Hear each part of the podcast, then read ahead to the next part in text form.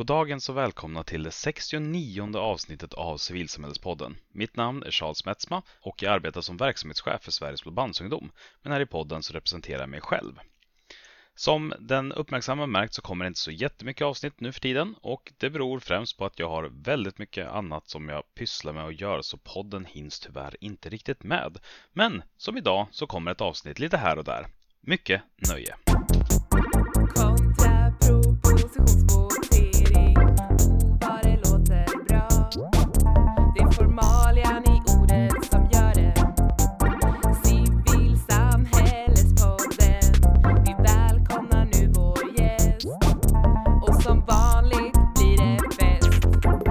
Idag sitter jag tillsammans med företrädare från Team Välfärd som är en del av initiativet Nysta. Dels har vi då Marika Markovits. Hejsan!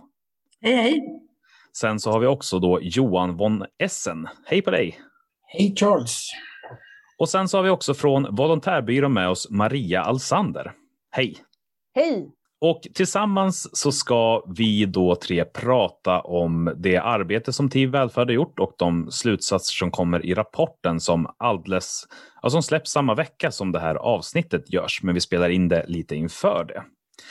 Och eh, i vanliga fall så brukar ju alla avsnitt börja med frågan om hur någon blev en engagerad människa. Men eftersom att det då för första gången är tre gäster med idag så hoppar vi den delen då vi inte skulle ha så mycket tid över till annat. Men jag tänker att ni vardera får ändå säga kort två meningar om vilka ni är eller vem du är helt enkelt så att vi har någon slags koll på det. Jag tänker Marika, du kan börja. Mm. Ja, men jag är präst i Svenska kyrkan. Idag jobbar jag som eh, domprost, heter det, i Stockholm. Eh, det vill säga att man leder en, en stor församling. Och i, eh, men jag har i 15 år varit chef för Stockholms Stadsmission. Och det är väl därför jag sitter med just i de här frågorna. För där jobbar man med insatser inom välfärden mm, och har många ideella frivilliga insatser också. Och du har också varit eh, gruppledare, heter det va? För, för det här Ja. teamet. Precis, jag har, har varit teamledare för Team 6. Toppen! Johan, vem är du? Jag är professor, på, eh, professor i livsåskådningsforskning med inriktning mot civilsamhällesstudier. Det är En bökig titel eh, på Ersta Sköndal Bräcke högskola. Och där har vi ett litet forskningscentrum som heter Civils Centrum för civilsamhällesforskning. Och där arbetar jag. Tack så mycket. Och Maria, varsågod. Ja, jag eh, arbetar som verksamhetsledare på Volontärbyrån som eh, är en ideell verksamhet som vill uppmuntra människor att engagera sig ideellt och göra det enklare helt enkelt för människor och organisationer att mötas. Så där har jag varit i ganska eh, många år och har tidigare också eh, varit i, jobbat på, inom näringslivet. Men det var väldigt länge sedan, så det har varit länge som jag varit på Volontärbyrån. Toppen, då har vi lite koll och jag tänker att vi hoppar då rakt in i att prata om det här med Team Välfärd och den rapporten som då släpps inom kort. Eh, men jag tänkte att vi börjar med lite bakgrund för att vi ska veta vad det är för någonting som vi egentligen pratar om. Den som är mer nyfiken på Nysta-initiativet i sin helhet kan ju gå tillbaka och lyssna på det avsnittet som är gjort med Hanna Kroksson, där vi ägnar eh, en stund åt att resonera kring Nysta som fenomen och helhet. Jag tänker att vi därför hoppar mer direkt in på vad är det Team Välfärd har gjort och varför har ni gjort det? Mm. Ja, men vårt uppdrag har varit att, eh, att titta på just hur civilsamhället bidrar in, i, oftast i offentligfinansierad välfärd som vård, skola, social omsorg och utbildning på olika sätt. Och, där, ehm, och vår utgångspunkt det har varit att en, en större andel idéburen välfärd är bra för en gynnsam och mer hållbar samhällsutveckling. Och vi har satt ett mål att eh, vi vill att andelen av de välfärdsinsatser som görs i samhället, både av offentliga organisationer som kommuner till exempel eller regioner inom sjukvården eh, och den som görs eh, av näringslivet och den som görs då av ideell sektor, idéburen sektor, ska kunna, våran del ska kunna växa till ungefär 10 procent. Idag är den bara 3 procent som utförs av idéburna organisationer. Så det är den ena delen. Och det andra uppdraget, det var just att titta på, men hur kan liksom i framtiden eh, när vi kanske har ett lite annorlunda samhälle med en lite tuffare finansiering av välfärden, kan, idé, alltså kan ideella, frivilliga krafter spela en viktig roll inom välfärden och vad behövs i så fall för att kunna göra det möjligt? Och vill vi det?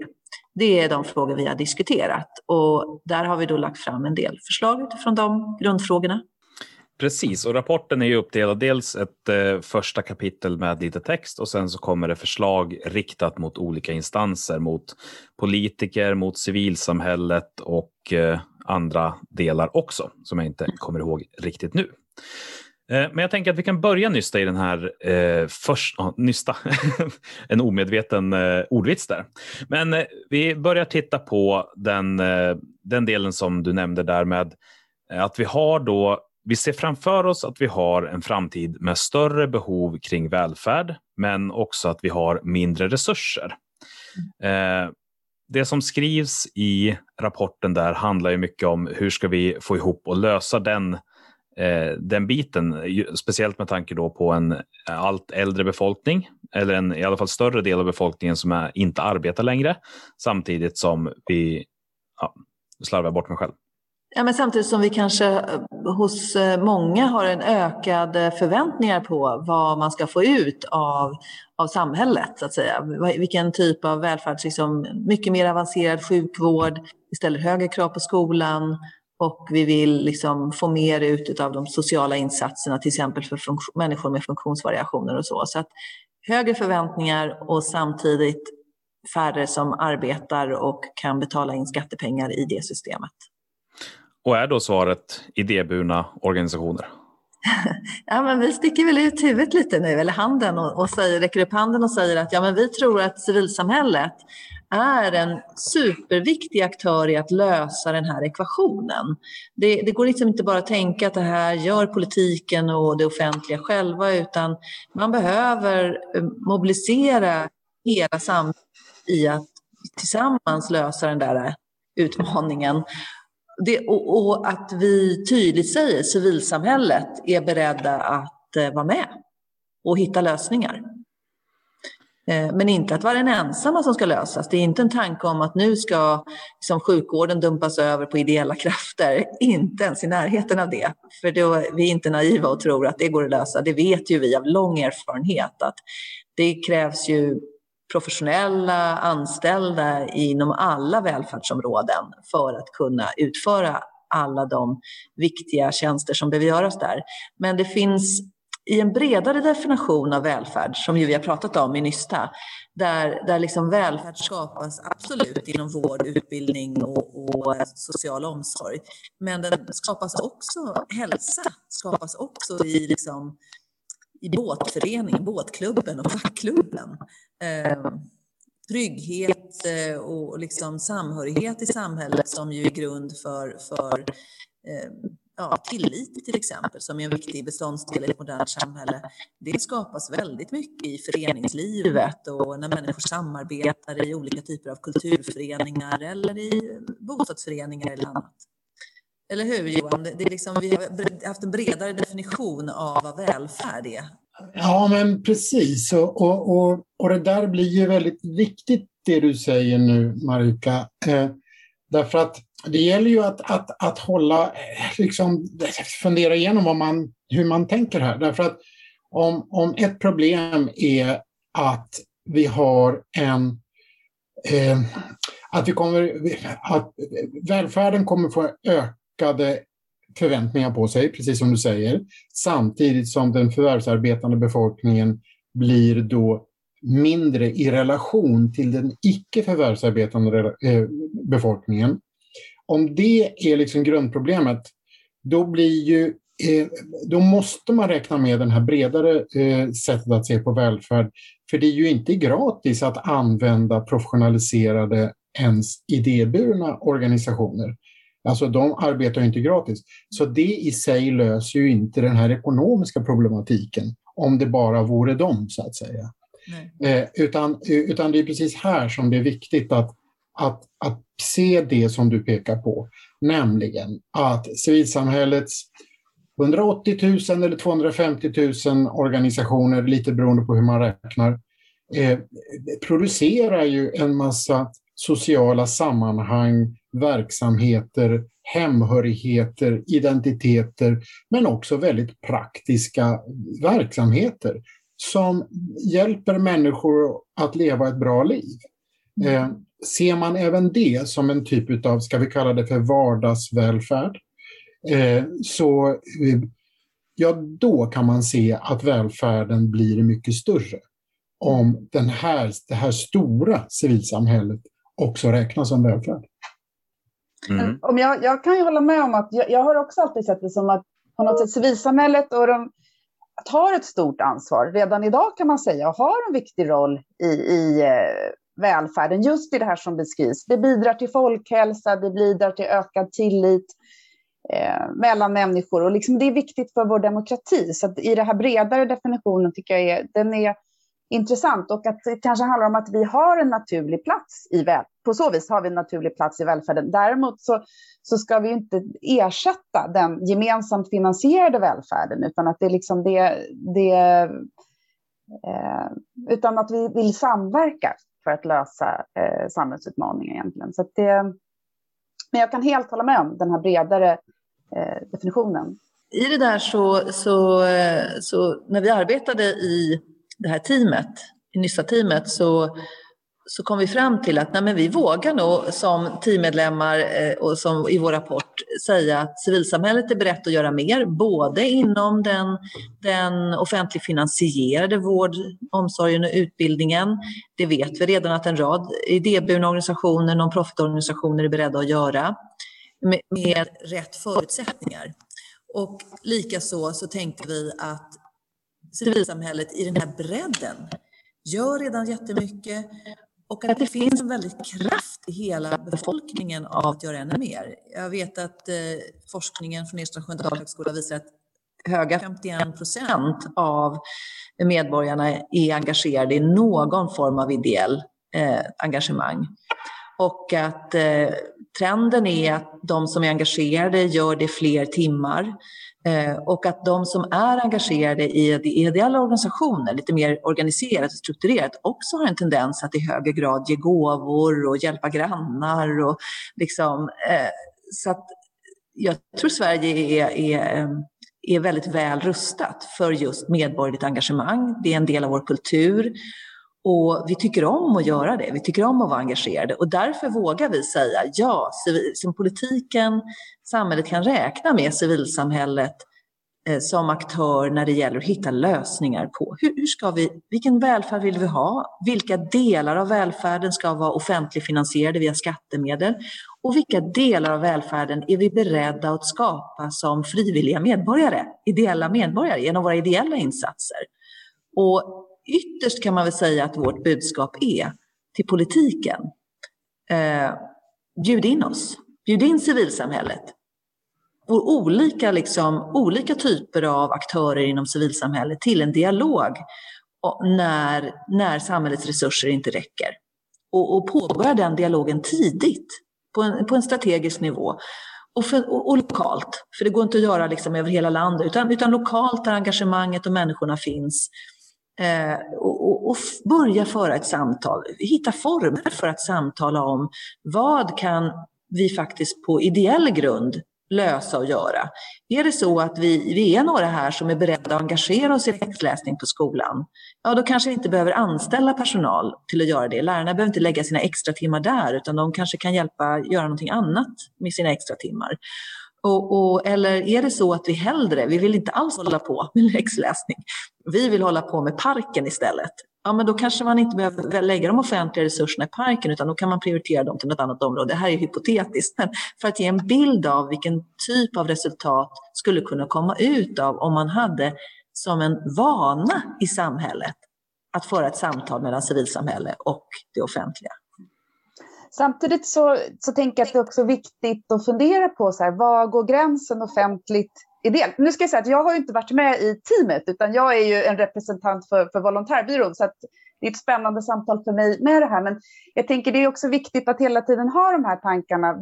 Vem ska göra vad och att man har den, den typen av principiella samtal. För vi, vi kan ju också fundera på liksom, hur mycket ska ideella gå in, till exempel om man tar en skola. Eh, vad, vad, och förespråkar ganska mycket att vi ser att Alltså civilsamhället har ju också en sån här watchdog-funktion, en röstbärarfunktion. Så när man ser felaktigheter så ska man också kunna liksom lyfta, höja sin röst och säga ifrån. Och därför så ser vi gärna när man samverkar med det offentliga att till exempel om det är en skola, att det kanske är Röda Korset som ordnar läxläsning. För ser man då felaktigheter så kan man också gå till sin organisation och, och liksom, eh, ja, på något sätt påtala det där. Så det är, tycker jag, då viktigt. Så här, man, man måste hålla någon, ett resonemang kring så, här, så att vi inte bara ger oss in överallt, utan det behöver finnas någon, någon eftertanke eh, i det där. Liksom. Och sen tror jag också att det är viktigt att behålla respekten för, för vad är det ideella. Liksom. Och på volontärbyrån eh, så brukar vi också säga att för oss är ju vikt, något viktig utgångspunkt är att någonting görs av fri vilja, att det är, liksom, att det är frivilligt och att det handlar eh, ah, på något sätt, eh, ja, det, ska, det, är liksom en egen lust som ska styra. Man ska inte bli kommenderad att, att göra någonting, för det tror inte vi bidrar till liksom, att, det blir, att man kommer fortsätta vilja engagera sig, utan då kanske det begränsar, men också att det finns en en ömsesidighet i det här engagemanget. Det handlar egentligen om medmänsklighet. Det kanske inte alltid är någon som hjälper någon annan, utan att man får väldigt, väldigt mycket tillbaka i sitt eh, engagemang. Så att det finns ett, hur ska jag säga, ett unikt möte där som också är viktigt att, att bevara. Eh, eller liksom att, att se att det här faktiskt har, det finns någonting unikt med varför människor engagerar sig. Jag vet Johan, du har ju skrivit mycket om också, liksom det här är ett sätt att nästan nu kanske jag tar det ord, men liksom manifestera lite vem man är. Så det finns viktiga ingredienser eller vad man ska säga. Så jag tänker det är mer som en så här, vi, vi kan inte bara slänga in ideella lite var som helst på vilka villkor som helst, utan vi behöver eh, fundera på. Vi är ju liksom olika sektorer och har olika särarter. Ja, det blev en lite lång eh, eh, brodering, men, men Ja, men, ja, men eh, jag tycker att den där är eh, nog den mest intressanta liksom, resonemanget som finns i hela den här tanken med eh, det idéburna inom välfärdsproduktionen. För på något sätt så är ju lite grann, om man tar ideellt engagemang, nu ska jag försöka mig på någon slags konstig metafor, men, men för mig så är det på något sätt eh, ett ett ideellt engagemang på, utifrån ett bredare perspektiv är ju lite grann som vatten eh, i samhället där det liksom skvimpar runt och sen faller det ner och täcker upp de håligheter som finns. Det flyter runt och är ganska svårformligt eh, och det liksom faller sig naturligt att det är där det saknas vatten som det rinner ner vatten på något sätt. Men om du då tar det här vattnet och försöker eh, du tänker dig att det ska bilda en vas, men du häller det bara på ett bord, så är det inte säkert att vattnet kommer bry sig om det. Eh, utan det kommer ändå agera lite som det själv vill. Och det är där det också blir intressant, just den här det går inte att kommendera vattnet att bete sig som man vill, men samtidigt så skulle det gå att ställa upp någonting på bordet som gjorde att det i det kärlet fick den formen som man ville och ändå mådde ganska bra. Men, men fråg, alltså just det här som du också var inne på väldigt mycket Maria, vart hittar man den balansen mellan hur det går att styra och hur det överhuvudtaget behåller motivationen i att vilja utföra någonting ideellt? Jag tror Johan har säkert jättemycket att säga om det här. Jag tänkte bara säga precis just det som blev så viktigt för oss i Nystagruppen. Att vi, vi, även om vi, jag nu har, vi har pratat lite grann om att civilsamhället sträcker upp handen och är beredda att göra mer. Men på vilka villkor? Nej, vi kan inte göra det på beställning av det offentliga. Det är superviktigt. Det offentliga kan inte beställa, kan ni göra det, kan ni göra det, kan ni göra det. Utan det, därför sa jag först, det här strategiska samtalet, det måste till.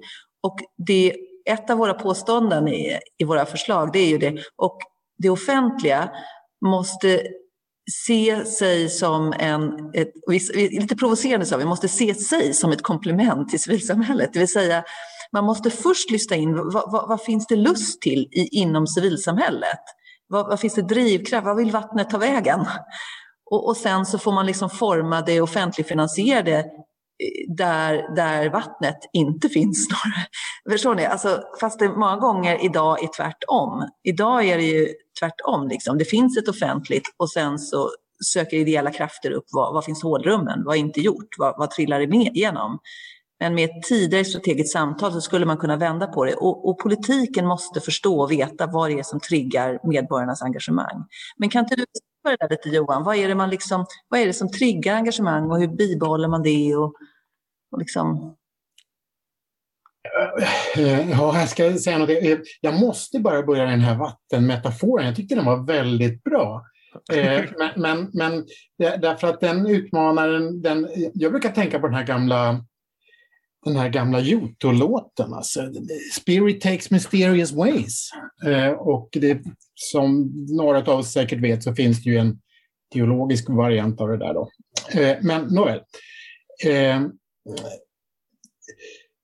jag brukar tänka så här, och det här har jag inte kommit på själv, utan det kommer från en amerikansk forskare som heter Robert Putnam att eh, Eh, människor gör saker i civilsamhället, en massa olika grejer. Och jag uttrycker mig medvetet lite, eh, ska vi säga, det låter slarvigt när jag gör det, men, men det, det, är ett medvetet sätt för mig att uttrycka mig.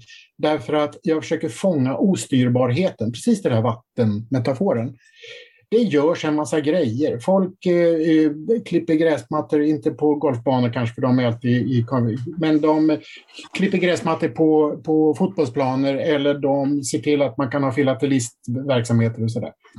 Som en biprodukt och ofta väldigt oförutsett så händer det välfärd där.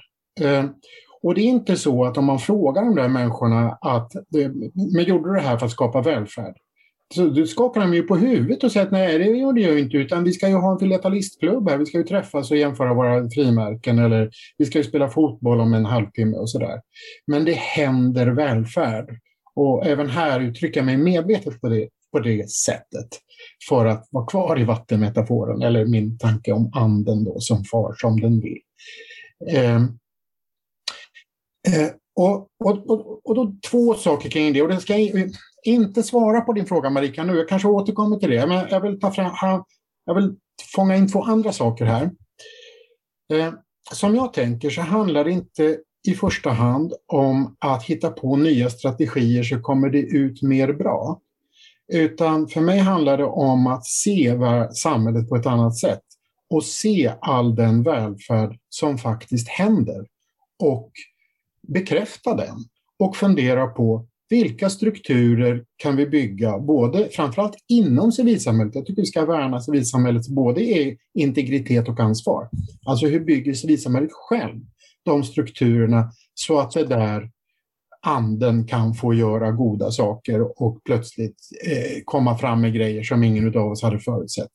Men också vilka, hur kan den institutionaliserade politiken Eh, och eh, statsapparaten bidrar. Det, det, och jag vet att här är ju Nysta inne på det samtalet och jag menar att det är jätteviktigt. Alltså hur kan man stödja de strukturerna så att det här får hända? Eh, så att vattnet får rinna hur det vill, för att det, oftast så skapas det en massa bra. Så det är den ena grejen, eh, alltså mer frågan om perspektivbyte än strategi, som jag tänker.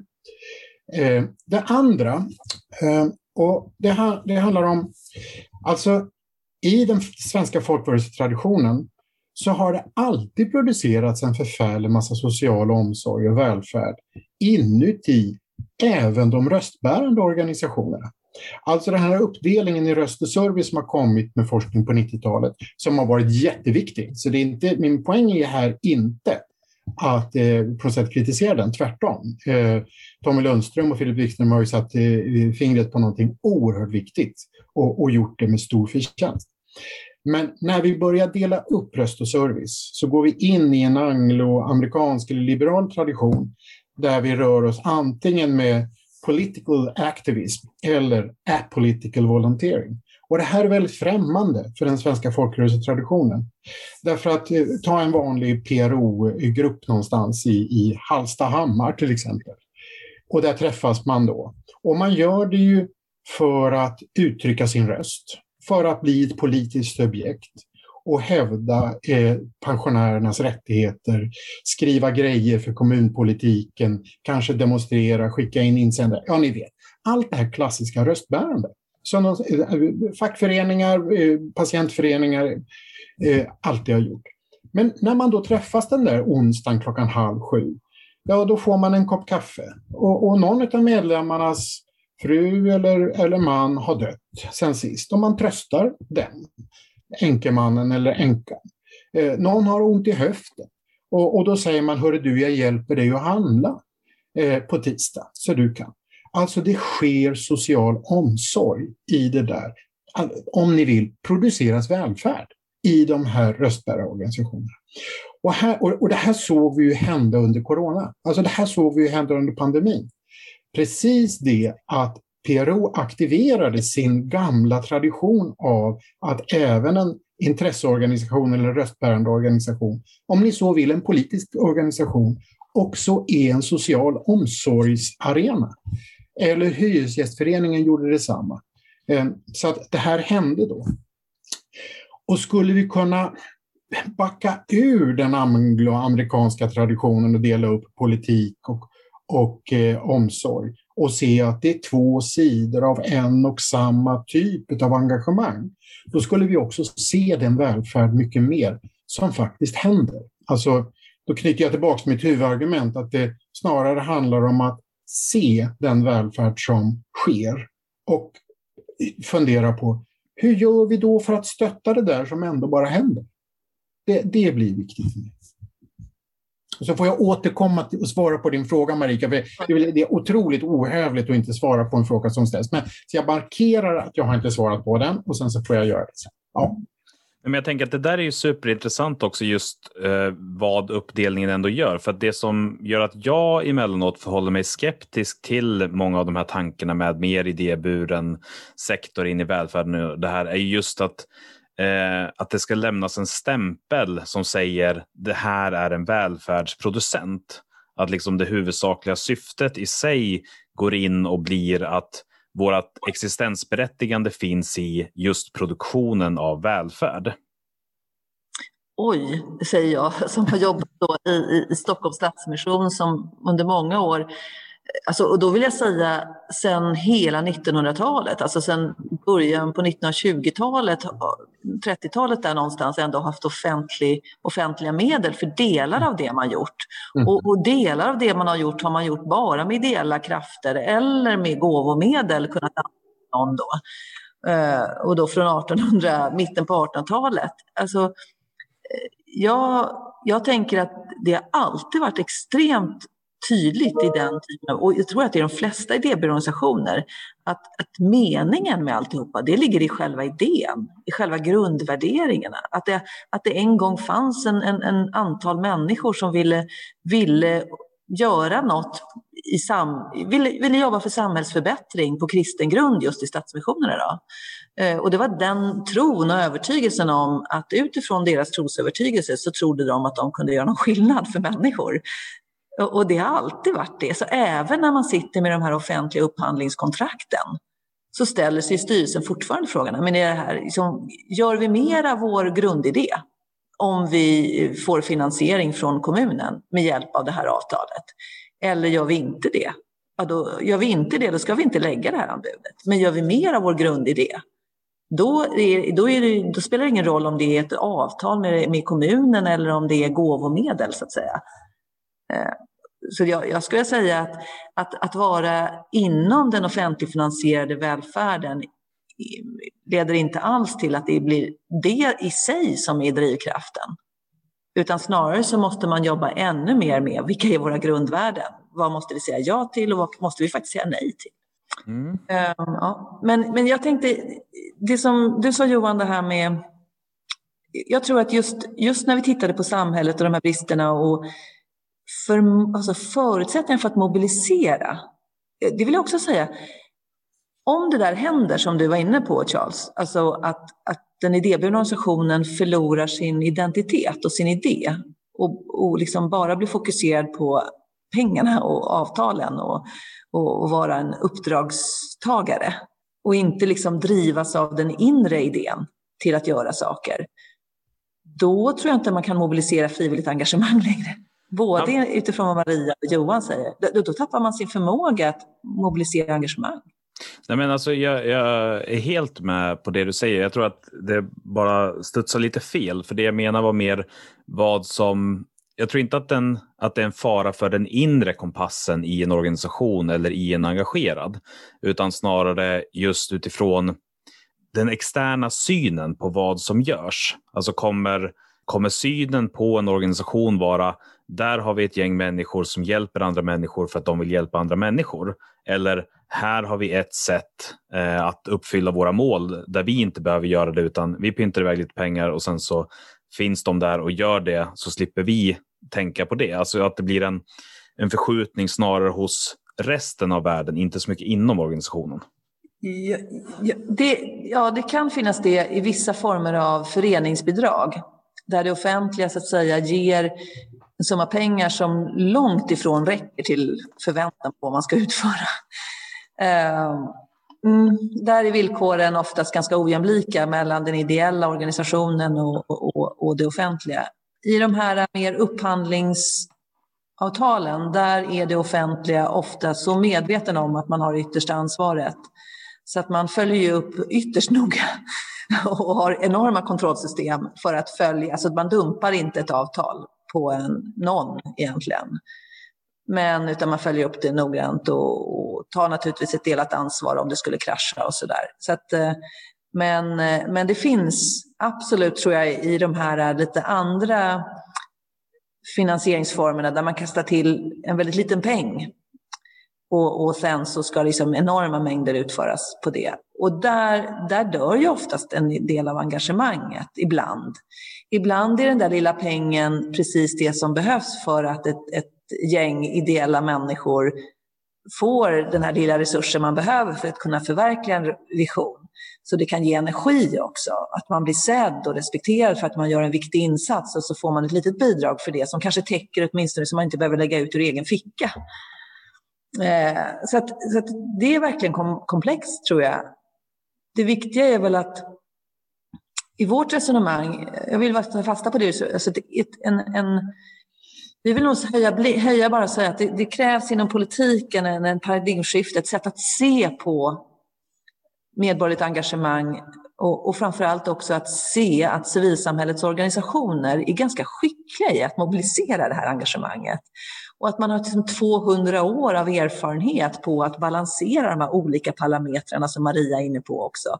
Liksom, engagemang, frihet, eh, personlig värderingsgrund liksom, grund måste finnas där för att jag vill göra det här. Eh, och att man inte kan liksom tala om för någon, alltså det här vattnet, hur kan man forma vattnet och ändå ge det frihet att flyta dit det vill? Det kan idéburen sektor organisatoriskt faktiskt hantera på ett fantastiskt sätt. Och vi gör det tillsammans därför vi har en demokratiskt sätt att besluta saker. Ja, men vad vill vattnet Ja, Okej, ja, och dit, ja, ja okej då. Eller ja, nu var ju fast de flesta vill åt ett annat håll. Och då går vi dit istället. Alltså, och, och då har ju vi jobbat fram en del förslag på där vi tror att politiken, om man, om man ger de här förutsättningarna till civilsamhället, så kommer vi eh, kunna ta hand och mobilisera ännu mer, alltså förvalta det engagemang som finns och kunna utveckla det ännu mer framöver. Och samhället behöver det. Det är väl liksom vår slutpunkt. Vi, vi tror samhället behöver det.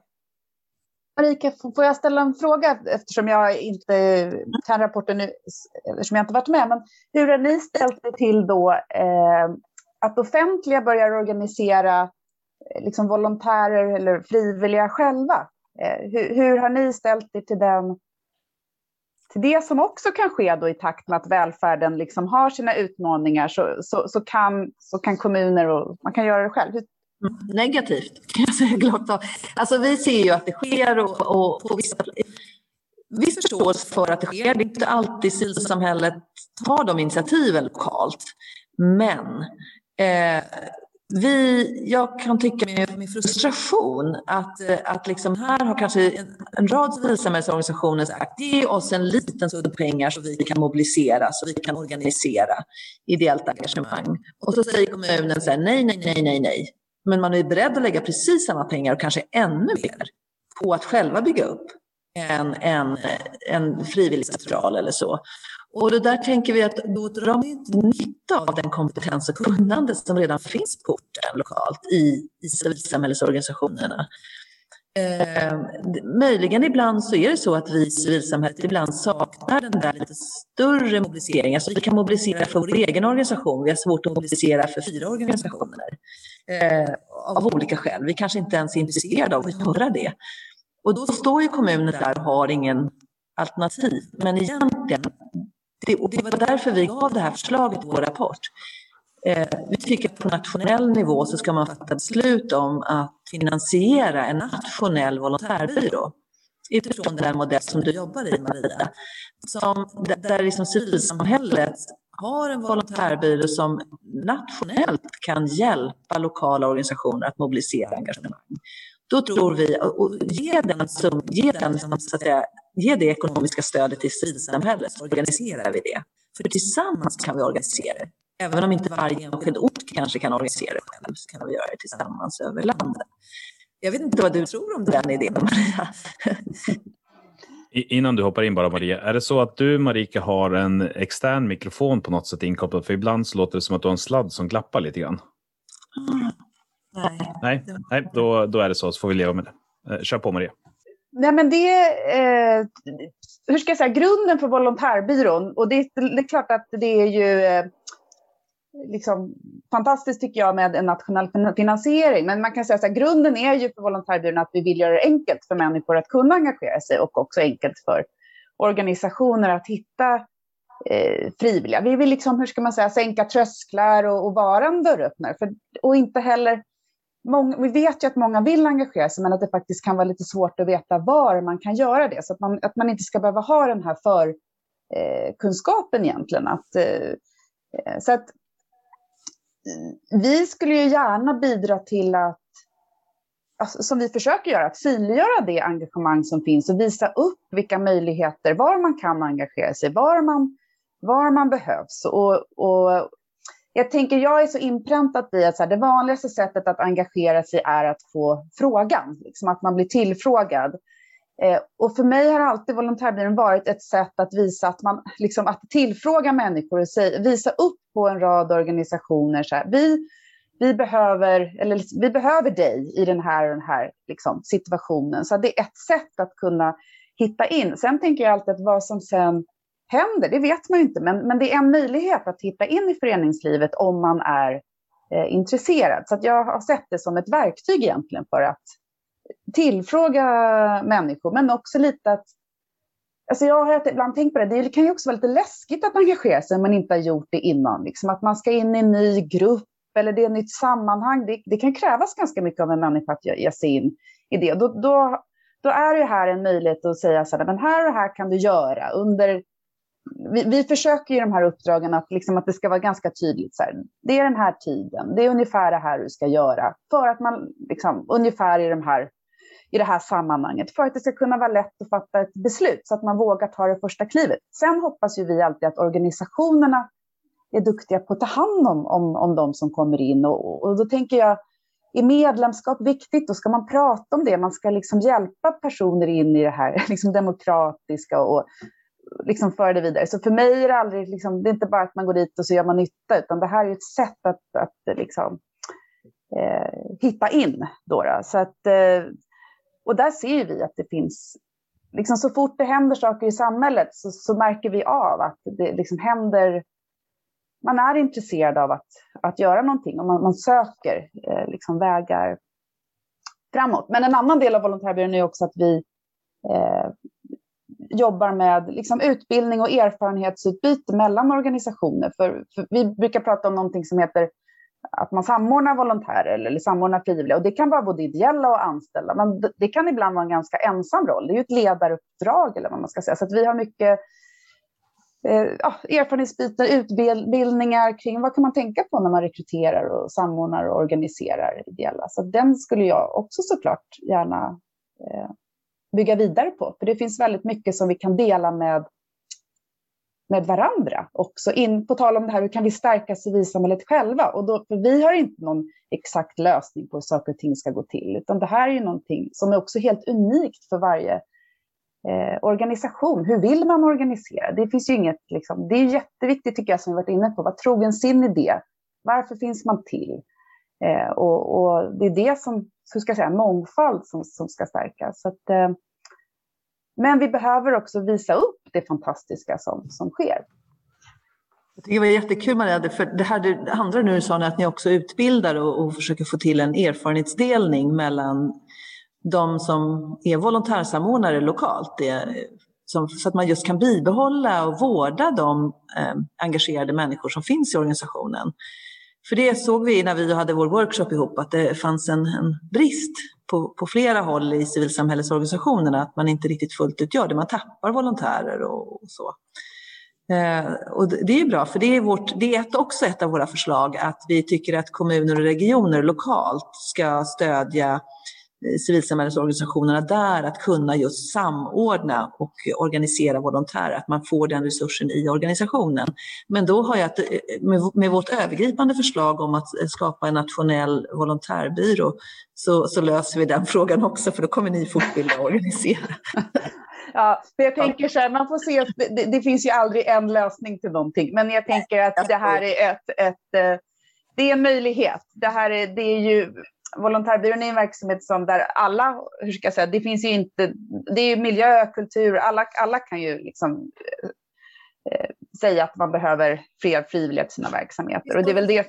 Inte skulle kunna eh, stödja att få... Finns det organisationer ni inte skulle kunna jobba för att hitta volontärer åt? Eh, det är ju ideella organisationer och ideella stiftelser och trossamfund som, som kan gå via eh, volontärbyrån. Så det är ju inte, liksom, hur ska jag säga, ibland kan ju också företag säga att man liksom organiserar. Det, det gör vi, vi, företag kan inte söka och inte heller politiska partier. Som det ser ut. Så att, eh, mm. ja.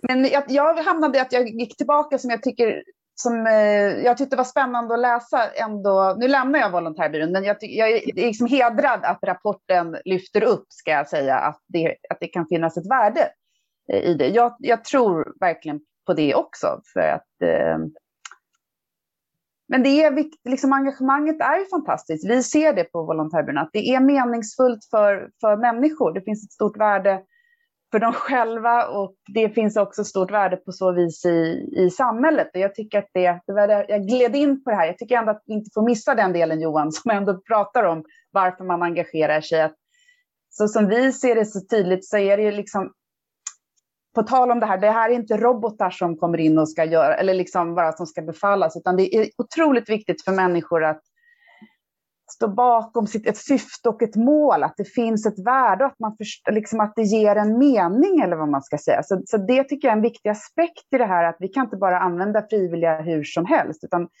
det, det behövs. Och, och sen vill man, som mitt första läge, man vill stödja och hjälpa andra och man vill göra en konkret insats, men det är i, i ett visst typ av sammanhang. Och jag tycker det är helt fantastiskt att se när vi frågar då personer som har sökt via volontärbyrån att de ändå upplever jag tror det är nio av tio som säger att man får större mening i sitt liv och att man mår bättre och det är många som uttrycker att man känner sig mindre ensam. Och om man ska liksom komma tillbaka till där vi började, vad är då liksom välfärd? Att det är också det är ett sätt, det är inte bara att hur ska jag säga, vi gör nytta eller om man vare sig man vill använda service och röst eller hur det är, liksom, men att det finns någonting som är väldigt unikt och Eh, liksom fantastiskt kan jag tycka som vi har, alltså att varannan svensk ändå är engagerad i Sverige. Det, det, ja, jag hamnade i att jag ville bara påminna oss om liksom, det här mekanismen eller vad, vad, är det, vad, vad är ändå viktigt i det här sammanhanget när man pratar om fler frivilliga in i välfärden så att det inte bara blir så här, eh, robotkänslan. För det tror jag absolut inte kommer att... Det är inget bra det är ingen bra utveckling om vi går åt det hållet, utan det måste vara något annat. Men jag kanske bollar in dig Johan, jag tycker du, hade så, du har ändå intressanta resonemang kring varför gör man det man gör. Ja, men tack. Och då, då får jag också möjlighet att, att svara på Marikas fråga så inte den liksom hänger i luften där. Så, eh, så jag, nej, men jag, jag håller ju med förstås. Eh, och, och jag tycker att det du liksom eller ni båda liksom nu spänner upp i en så otroligt viktig diskussion. Så det är det första jag vill säga. Men jag kan bidra med då, det, det är att det, det, jag ty, det, det, jag menar att den empiri jag har studerat säger, det är att man måste skilja på varför människor börjar arbeta ideellt och varför människor fortsätter arbeta ideellt. Och, och Kungsvägen in, eller liksom lejonparten in i ideellt arbete, det är för att man blir tillfrågad eller inbjuden eller smickrad och, och faktiskt också ibland tvingad. Eh, det, det är viktigt att, att, säga det. Eh, alltså det, det, den här, ta idrottsföräldrar till exempel, nu är det verkligen inte bara idrotten, men, men idrottsföräldrar blir en sån väldigt tydlig figur här. Alltså att för att ungarna ska få spela fotboll så måste man bidra själv och så. Så det finns en väg in i ideellt arbete som definitivt inte alls eh, drivs av meningsskapande eller, eller så, utan det handlar om sociala mekanismer. Jag bodde granne med någon som sa kan inte du hänga med? Jag bor i en bostadsrättsförening, jag var tvungen att sitta i styrelsen, etc. Och den där historien har jag ju hört om och om igen. Eh, och våra stora, breda, kvantitativa data pekar i princip på samma sätt. Så det, det är så människor brukar börja. Men sen, när man väl är där, då börjar ju då människor utveckla mening i relation till de handlingar man gör. Alltså när man då har blivit funktionär i ett knattefotbollslag eller när man eh, kom att sitta i styrelsen i en patientförening därför att ens mormor faktiskt har nytta av den här föreningen, eller vad det är. Då utvecklar man precis de saker som ni båda frågar efter, alltså den här meningen. Eh, att människor uppfattar ju detta som djupt meningsfullt. Eh, och, och då tycker jag att man kan peka på två, eller ja, men det är två saker man, man vill göra, eller, som blir meningsfulla med, för människor. Det ena är ju att vara till för någon annan. Att se att man kunde göra nytta för någon annan människa. Och det är helt oavsett om man är volontär i Stadsmissionen och, och, och arbetar med de allra mest utsatta. Eller om man, eh, bara för att ta den andra ytterligheten då, sitter i en välgödd bostadsrättsförening och kan köpa in ännu mer tujahäckar och placera runt i kåkarna. Så, och jag väljer medvetet de här två olika exemplen för att visa att i båda fallen uppfattar jag att man gör nytta för någon annan och det där är oerhört viktigt för människor. Eh, och det andra, det är att man, och du var inne på det Marika, att i sina handlingar får man möjlighet att gestalta sig själv. Alltså den egna identiteten är inte bara någonting jag tänker här inne eller kanske pratar om med andra, utan det är någonting jag gör med mina handlingar, alltså gestaltar det. När jag pratar med människor, varför gör du det här? Ja, men jag vill visa vem jag är. Det, det, det återkommer om och om igen. Så de här två. Och så en tredje då. Eh, och, och, det är att det ska vara ett gott socialt sammanhang. Man, man, ska, man ska känna sig trygg och glad och förväntansfull när man går till sitt ideella arbete. Man behöver definitivt inte göra det med sina vänner, utan, men, men det sociala sammanhanget ska vara gott. Eh, när det där händer, eh, då, eh, då, då utvecklar människor en förvånansvärd mycket arbete. Jag vill avsluta den här lilla, eh, ursäkta att jag blir lite docerande, men, men, ja, men nu är jag ju den jag är, så jag får väl prata sådär. Eh, men jag vill lägga till en sak som, som, som är så viktig. Eh, och, och det är det problem vi har med att människor uppfattar att det är meningsfullt att göra gott för andra. För då stämplar vi ut det cyniskt som något egoistiskt. Mm. Alltså, det här finns ju både inom den akademiska forskningen, men det finns också när vi möter människor som är mer dagligt tal talar om det.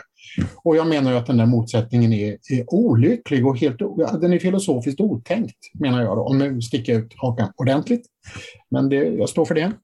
Eh, nämligen att man sätter en motsättning mellan att själv uppfatta det meningsfullt att göra gott för någon annan. Och så säger ja där ser de. Ska de inte ha pengar så ska de känna sig goda också. Eh, det är ju lika konstigt som att säga, jaha, du vårdar ditt barn därför att du vill känna dig som en god förälder. Ingen, väldigt få av oss skulle komma på tanken att säga någonting så dumt, för det är ju dumt faktiskt. Ja, det är klart att vi vill vara goda föräldrar och vägen till att bli en god förälder, det är att älska våra barn. Vad är det för konstigt med det? Så, så istället för den där motsättningen måste vi ju lära oss att se precis som ni båda är inne på, att välfärden går här åt båda riktningarna. Alltså både den som, som blir tröstad eller hjälpt eller sedd i vårt ideella arbete, eller de skogsbränder som blir släckta i det också, för den delen. Men också för den som gör det, som uppfattar sig som djupt meningsfull och får ett bättre liv. Så det är ju liksom... Ja, lockelsen är ju väldigt stor att börja prata näringslivstermer här, men, men, men det, det, är två bra grejer. Det är någon slags Kinderägg, fast bara två. Men bara för att lägga till det så tänkte jag, jag bara hamnade i något så här, jag vet inte om det är rätt, men det blir lite så här, vem tröstar vem? Eller vad man ska säga. Det, det kan faktiskt vara väldigt svårt att avgöra. Jag har varit med om en situation där jag där man tänkte, det var så klassiskt, hur ska jag säga, nu ska vi hjälpa en hemlös liksom, typ situation, där man tänker så här, ja, nu är det någon som hjälper någon annan. Men det var i ett sammanhang där det också var, liksom, många skulle vara med. Och då förstod jag att den som ville göra det här, varför den ville göra det, det var för att den själv var så otroligt ensam också. Jo. Så det var så otroligt, så det var egentligen den själv, den, den hjälpte sig själv, eller vad man ska säga. Så jo. ibland är det väldigt svårt att säga vem, som sagt, vem, vem hjälper vem? Och jag tror att det var det jag menade. För mig så, så är det mycket, det handlar om en medmänsklighet också mellan, eh, mellan varandra. Men, men också som civilsamhället har, det kan ju vara att i vissa fall så, så är det vissa akuta situationer som ska hur ska jag säga, det liksom hanteras. Vi hamnar i pandemi, det behövs liksom, det är massa som sker. Men sen tycker jag det som är fantastiskt också med civilsamhället, det är att man också vill se förändring på lång sikt. Alltså att man vill också Eh, förbättra förutsättningarna att, och att inte liksom, ja, och på så, liksom för hela tiden ha en stark drivkraft att ha ett så gott samhälle som möjligt för, för så många som möjligt. Så att man gör ju liksom, vill göra skillnad för sig själv och andra, eller vad man ska säga. Mm. Ja, det där är egentligen ganska konstigt att det känns som en, att det ofta hamnar i någon slags skamhörn, just det här att, att det skulle finnas något problem med att jag mår bra av att göra någonting för andra. För att nu är inte jag fullständigt lika bevandrad i empirin, men jag upplever ju att det finns eh, väldigt många av dem jag möter arrangörer där just det här, den personliga eh, vinsten av ett engagemang är en väldigt stark och tydlig drivkraft i varför jag engagerar mig överhuvudtaget. Oavsett om det är de mer materiella grejerna, typ jag får åka på en utbildning i ledarskap, jag blir en bättre ledare, det är bra för mig.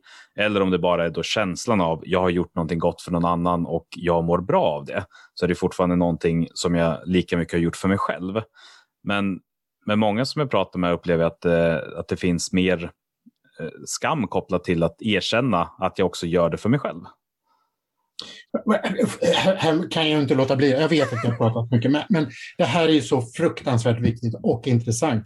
Och det här är ju då inte ett nytt fenomen, utan det här är ju det problem som Luther slogs med som eh, Augustinemunk Augustinermunk av tredje orden när han funderade på Guds nåd och de goda handlingarna. Och, och, hans lösning är precis det problem som du beskriver, Charles. Det, det är precis det. Alltså hur ska jag sluta försöka göra gott för andra för att förtjäna Guds nåd. Ehm, ehm, det är ju precis det problemet och hans lösning blev ju ja, att när jag slutar se min, min egen glädje över att se att den andra blir helad som någon slags vinst för mig, utan även, och nu använder jag då Luthers föreställningsvärld, ni behöver inte ta åt er, men, men nu, nu talar jag med Luther. Alltså när jag ser att Guds nåd kommer till oss båda. Mig för att jag fick bidra och den andra därför att den fick hjälp. Så löses ju den här konflikten. Eh, och, och, här finns det ju, jag kan inte låta bli att tänka att i sekularisering och den tilltagande, vad ska vi säga, produktifieringen av människors handlingar så har vi slutat att kunna se det på det viset, utan skapar oss ett problem som är ju helt onödigt och som en, som en återvändsgränd bara. Var glada över att vi får hjälpa andra. Tack för det.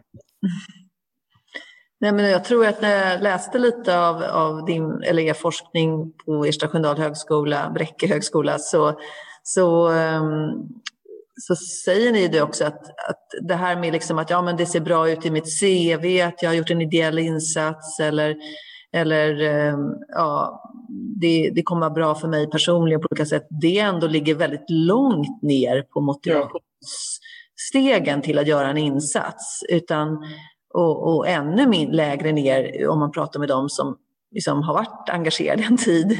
För då är det andra saker som, som motiverar en att vara kvar. Det kanske var någon tanke där i början att oj, det här måste jag kanske göra för min CV. Men sen när man väl är där så är det inte alls det som är viktigt. Nej, men precis. Det är, det är precis så det händer. Ja, och, och, men sen så tänkte jag på att eh, jag tror dessutom att jag, man spekulerar ju mycket nu i att just det här eh, att göra bra för andra, att det är någonting som är nedlagt i oss en väldigt tidigt. Man kan ju se hur väldigt, väldigt små barn väljer att lyfta upp något från marken som någon annan har tappat och sådär. Att man liksom, det finns en, en naturlig drivkraft i oss att, att knyta an via att hjälpa varandra. Eh, och, och, då tror jag liksom att vi kan inte låta bli att må bra i de situationerna därför vi är formade, är skapta för att må bra i, i de situationerna. För att det gör att vi, får, liksom, vi lever bättre tillsammans. Och vi är ju liksom lite grann programmerade för att leva i grupp, inte leva som bara solitärer. Och, och där, så även om man skulle ha en sorts utvecklingsbiologisk syn och inte en teologisk syn, säger prästen här, så, så, så, så tror jag att det talar för att, att att ha dåligt samvete för någonting som antagligen ligger på DNA-nivå delvis, så att säga, förutom social inlärning, eh, så, så, så är det jättekonstigt. Utan bara glädja oss över att, att vi faktiskt, att den, den viljan att hjälpa andra är så enormt stark. Så att den driver. Jag vet när du hade sett någon beräkning Johan att de samlade ideella insatserna motsvarar ett värde av 1,3 miljarder eller någonting i Sverige. Det är 130 miljarder. 130 miljarder, okej. Okay. Ja, 130 miljarder. Och, och, och, vårt budskap från Nysta-gruppen här, det är ju liksom, ja men det får man ju inte se liksom, det får inte börja tricka dollartecken i kommunal och regionpolitikerna liksom, att det där kan vi eh, det där kan vi omsätta i gratis välfärdsinsatser utan, som vi styr upp. Utan vårt hela budskap är ju nej, byt perspektiv, se att det här är en enorm resurs i samhället när det gäller att skapa den här breda välfärden och det tror jag man gör inom politiken men jag tror inte att man på samma sätt vet hur man kan främja det, hur man kan stärka det. Och där tror jag ibland att man liksom riggar stödet till ideell sektor ibland lite dysfunktionellt. Och då har vi kommit med dels förslag om politiken byter perspektiv och verkligen ser att man ska främja de här engagemangsmekanismerna, om man känner tillit till att idéburen sektor faktiskt besitter den kompetensen att organisera, mobilisera, bibehålla engagemang. Och fråga då ödmjukt, vad behöver sektorn? Och då behöver vi, vi behöver finansiering till de här strukturerna. Alltså så att vi kan finansiera strukturerna för mobilisering, rekrytering eh, och, och organisering av det här engagemanget som finns och som, som kan mobiliseras. Vi behöver, vi behöver finansiering av de långsiktiga strukturerna till de civilsamhällesorganisationer som ska rycka ut när det är kris. De kan inte bara uppstå liksom i krisens stund. Ibland kan vi det, men vi måste liksom också långsiktigt eh, se till att det finns en, en möjlighet att stå i startgroparna inför krisen kommer. Och sen så att vi behöver bjudas in till det här prioriteringssamtalet. Ska, ska välfärden omprioriteras på något sätt? Ska, står vi inför en stora utmaningar när det gäller samhällskontraktet mellan liksom, vad står staten för, vad ska individen själv ombesörja av välfärd?